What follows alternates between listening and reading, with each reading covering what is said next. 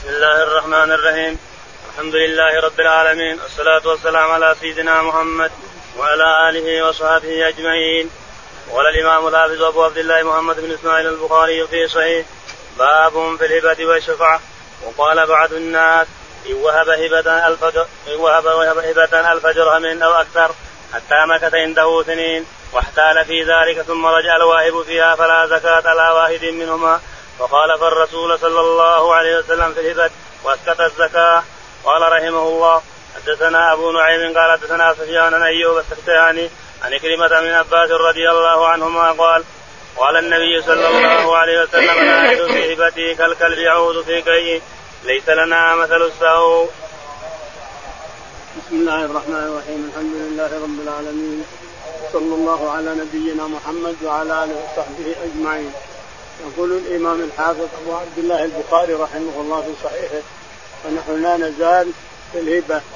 والرجوع فيها والحيل في كتاب الحيل يقول رحمه الله حدثنا باب باب في الهبه والشفعه باب في الهبه والشفعه والحيل فيها عند ابي حنيفه حدثنا وقال بعض الناس وقال بعض الناس نعم إن وهب هبة ألف درهم أو أكثر حتى مكث عنده سنين واحتال في ذلك ثم رجع الواهب فيها فلا زكاة على واحد منهما. يقول البخاري رحمه الله وقال بعض الناس ويشير بهذا إلى أبي حنيفة رحمه الله. يقول وقال بعض الناس إن وهب هبة ألف درهم وأكثر وقل ثم جلست عنده سنين ثم رجع الواهب في هبته إلى رجعت يعني إلى الواهب في هبته فلا زكاة على واحد منهما السنين كلها اللي بالت وابطل حكم الشريعه من الكتاب والسنه نعم. فخالف الرسول صلى الله عليه وسلم خالف الرسول وخالف الكتاب والسنه نعم. اسقط الزكاة نعم. قال حدثنا أبو نعيم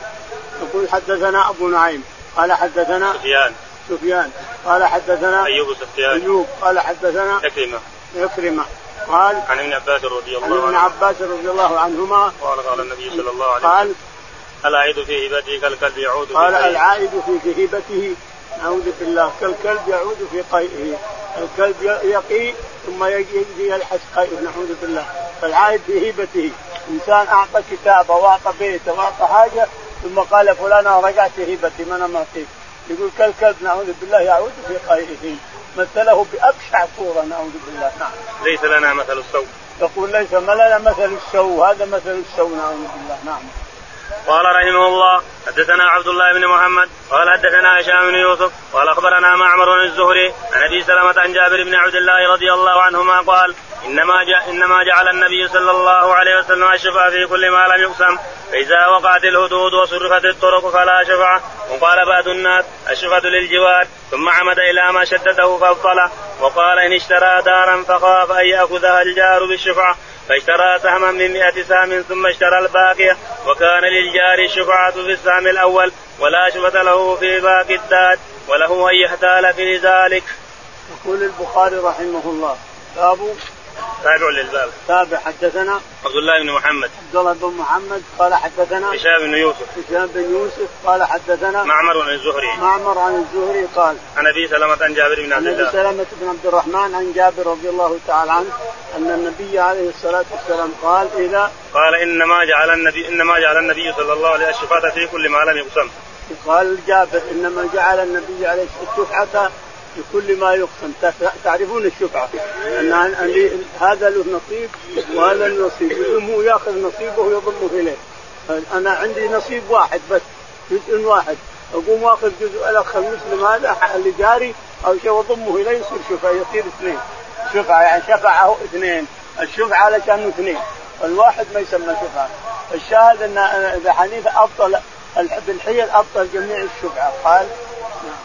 الشفعة في كل ما لم يقسم شفعه لكل ما لم يقسم فإذا وقعت الحدود وصرفت الطرق فلا شفعة فإذا وقع صرف وقعت الحدود وصرفت الطرق فلا شفعة إذا وقعت الحدود وصرفت الطرق فلا شفعة أنت عرفت طريقك وأنا عرفت طريقي وعرفت حدودك وأنا عرفت حدودي فلا شفعة حينئذ إذا بعت إذا بعت حقي أنا ما لك شفعة علي أو بعت حقك أنت ما لك شفعة ما لك شفعة عليك إلى آخره وقال بعض الناس وقال بعض الناس الشفعة للجوار وقال بعض الناس الشفعة بالجوار واستمسك بحديث ضعيف لا ش- الشفعة في كل ما لم من سقط من سقط نعم ثم عمد إلى ما شدده فأبطله ثم عمد الى ما شدده في الاول فابطله ابو حنيفه رحمه الله قال وقال إن اشترى دارا فخاف أن يفوزها الجار بشفعته فاشترى سهما من 100 سهم ثم اشترى الباقية وكان للجار شفعة في السهم الأول ولا شفعة له في باقي الدور يقول يقول ابو حنيفه رحمه الله اذا اشترى دارا فلا فخاف فإما- فخاف أن يفوزها فخاف ان الجار يؤخذ- ياخذها الجار بالشفعة الشفعه فاشترى سهما من 100 سهم فاشترى من من س- سهما من 100 سهم ثم اشترى الباقية ثم اشترى الباقي فلا شفعة في الباقي وكان للجار الشفعة في السهم الأول قال كان للجار الشفعة في السهم الأول هذا كلام أبي حنيفة رحمه ولا الله شفعة له في باقي الثاني ولا شفعة له في الباقي هذا كله باطل وله أن باطل يحتال في ذلك لأنه حيل له وله أن يحتال في ذلك نعم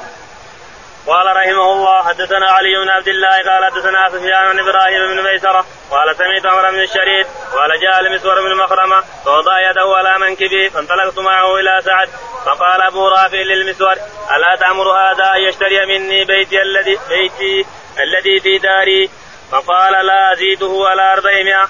اما مقطعه واما مج- منج- منجمه قال أعطيت 500 نقدا فمنعته ولولا أني سمعت رسول الله صلى الله عليه وسلم يقول الجار أحق بسكبه ما بعتكه أو قال ما أعطيتكه قلت لسفيان إنما أمرا لم يقل هكذا قال لكنه قال لي هكذا وقال بعض الناس إذا أراد أن يبيع الشفعة فله أن يحتال حتى يبطل الشفعة فيهب البائع للمشتري الدار ويحدها ويدفعها ويدفعها إليه ويعوده المشتري ألف درهم فلا يكون لشفيع فيها شفاعة أعوذ بالله حيلة يقول البخاري رحمه الله حدثنا علي بن عبد الله علي بن عبد الله قال حدثنا سفيان سفيان قال حدثنا إبراهيم بن ميسرة إبراهيم بن ميسرة قال قال سمعت عمر بن الشريد أنا سمعت عمرو بن الشريد يقول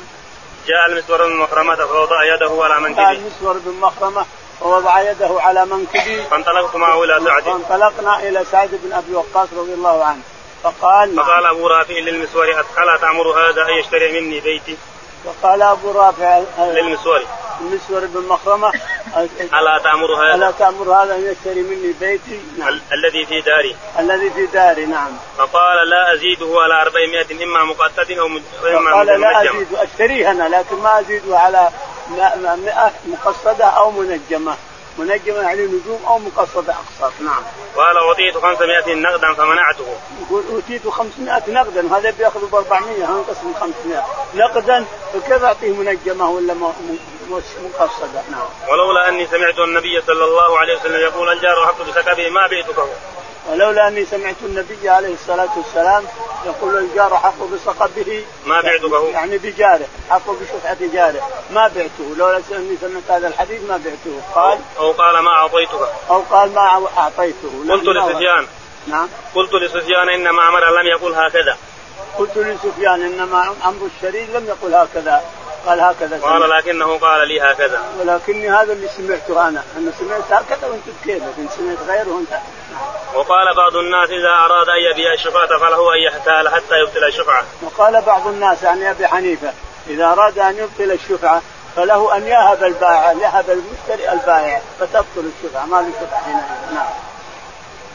قال رحمه الله حدثنا محمد بن يوسف قال حدثنا سفيان عن ابراهيم بن ميسره عن عمرو بن شريد عن ابي رافع ان سعدا ساوى معه بيتا ب 400 ب 400 مثقال فقال لولا اني سمعت رسول الله صلى الله عليه وسلم يقول الجار احق بسكبه لما اعطيتك وقال بعض الناس إن اشترى نصيب دار فأراد أن يبطل الشفعة وهب لابنه الصغير ولا يكون عليه يمين. يقول البخاري رحمه الله حدثنا محمد بن يوسف محمد بن يوسف قال حدثنا سفيان سفيان قال حدثنا إبراهيم بن أيوة. ميسره ابراهيم بن ميسره عن عن عمرو بن الشريد عن عمرو بن الشريد قال عن ابي رافع عن ابي رافع قال ان سعدا ساومه بيتا ب 400 مثقال ان سعدا ساومه سعد بن ابي وقاص ساومه ساومه بيتا ب 400 مثقال قال فقال لولا اني سمعت رسول الله صلى الله عليه وسلم يقول الجار احق بسكبي لما اعطيتك فقال لولا اني سمعت الرسول عليه الصلاه والسلام يقول الجار حق بصقبه يعني بجواره جار حق بجواره ياخذ الشفعه ما بع ما بعتكه نعم وقال بعض الناس ان اشترى نصيب دار فاراد ان يبتلى الشفعه وهب لابنه الصغير يقول وقال بعض الناس يعني ابي حنيفه ان اراد ان يبطل الشفعه يعني اشتريت منك بيت انا دار اشتريتها نقدا واريد ان ابطل الشفعه ما يشفع صاحب جاري ما يشفع تعطيها ولدك الصغير تعطي ال- ال- البيت ولدك ولدك الصغير يصير هو اللي يبيع ويشتري لان ما له حكم ما له حكم في الشريعه نعم ولا يكون عليه يمين ولا يكون عليه يمين ولا يحلف ولا ولا على شفاعه ولا يشفع باب احتيال العامل ليهداله قال رحمه الله حدثنا عبيد بن اسماعيل قال حدثنا اسامه قال حدثنا ابو اسامه عن هشام عن ابي عن ابي عبيد الساعدي قال استعمل رسول الله صلى الله عليه وسلم رجلا على صدقات بني سليم يدعى ابن اللطبيه فلما جاء هاتفه قال هذا مالكم وهذا هديه فقال رسول الله صلى الله عليه وسلم ألا جلست في بيت أبيك وأمك حتى تأتيك هديتك إن كنت صادقا ثم خطبنا فحمد الله وأثنى عليه ثم قال أما بعد فإني فإني أستعمل الرجل منكم على العمل مما ولاني الله فيأتي فيقول هذا مالكم وهذا هدية أهديت إليه أهديت لي أفلا جلس في بيت أبيه وأمه حتى تأتيه هديته والله لا يأخذ أحد منكم شيئا بغير حقه إلا لقي الله يحمله يوم القيامة فلا أعرفن أحدا منكم لقي الله يحمل بعيرا له رغاء أو بقرة أو بقرة لها خوات أو شاة تيعت ثم رفع يديه حتى رؤي بياض إبطه فيقول يقول اللهم هل بلغت بصر بصر عيني وسم أذني يقول البخاري رحمه الله حدثنا باب احتيال يعني العامل ليهدى باب له إيه، احتيال عاملي ها باب احتيال العامل ليهدى له باب احتيال العامل لعماله قال حدث- ليهدى له ها ليهدى له ليهدى احتيال العامل ليهدى له قال حدثنا عبيد بن اسماعيل عبيد بن اسماعيل قال حدثنا ابو اسامه ابو اسامه قال قال عن هشام عن ابيه عن هشام بن عروه عن ابيه عروه عن عن ابي حميد الساعدي عن ابي حميد الساعدي رضي الله عنه قال قال استعمل رسول الله صلى الله عليه وسلم رجلا على صدقات بني سليم قال استعمل الرسول عليه الصلاة والسلام رجلا يقال له ابن نسبية على صدقات بني سل- سليم يعني يجيبها يزكيها ويجيبها يجمعها ويجيبها للرسول عليه الصلاة والسلام نعم فلما جاء فلما جاء هاتبه فلما جاء حسب الرسول عليه الصلاة والسلام فقال هذا لكم وهذا أهدي لي فغضب الرسول غضبا شديدا نعم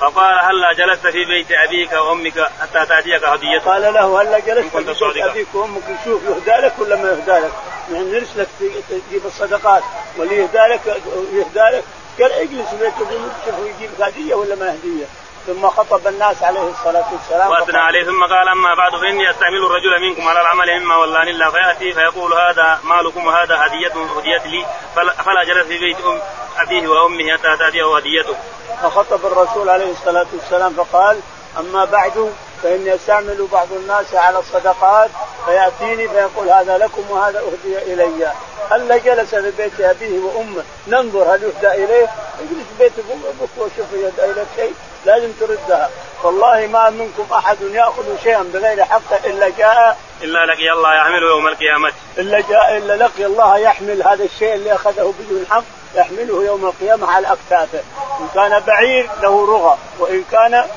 وإن وإن كان فقد الله أخوات بقرة لها خوار أو شاة طيعة إن كان شاة فيتيح تصيح فوق السوف نعوذ بالله البعير يغرغي بطوفه والبقرة تبكي والطلي ي- ي- يصيح فوق السوفان أخذه بغير حق يأتي يوم القيامة على كتوفه نعم ثم رفع يديه التاروية بياض ثم يطلقها رفع عليه الصلاة والسلام يديه هكذا حتى رؤي بياض يديه معناه أن الإزار اللي هو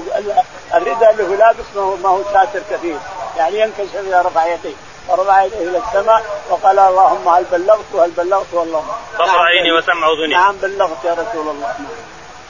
قال رحمه الله حدثنا ابو نعيم قال حدثنا سفيان بن ابراهيم بن ميسره عن عمرو بن شريد عن ابي رافع رضي الله عنه قال قال النبي صلى الله عليه وسلم الجار حق بسببه وقال بعض الناس اشترى دارا بعشرين الف درهم فلا باس ان يحتال حتى يشتري الدار بعشرين الف درهم وينقذه تسعة آلاف درهم وتسعمائة درهم وتسعة وتسعين وينقذه دينارا دينارا بما بقي من العشرين الألف فإن طلب الشفيع أخذها بعشرين ألف درهم وإلا فلا سبيل له على الدار فإن استحقت الدار رجع المشتري على البائع بما دفع إليه وهي تسعة آلاف درهم وتسعمائة وتسعة وتسعون درهما ودينار لأن البيع حين استحق انتقض انتقض الصرف في الدينار فإن وجد ب- فإن وجد بهذه الدار عيبا ولم تس- ولم تستحق فإنه يردها عليه بعشرين ألف درهم قال فجاز هذا الخداع بين المسلمين وقال وقال قال النبي صلى الله عليه وسلم لا داء ولا خبثة ولا غائلة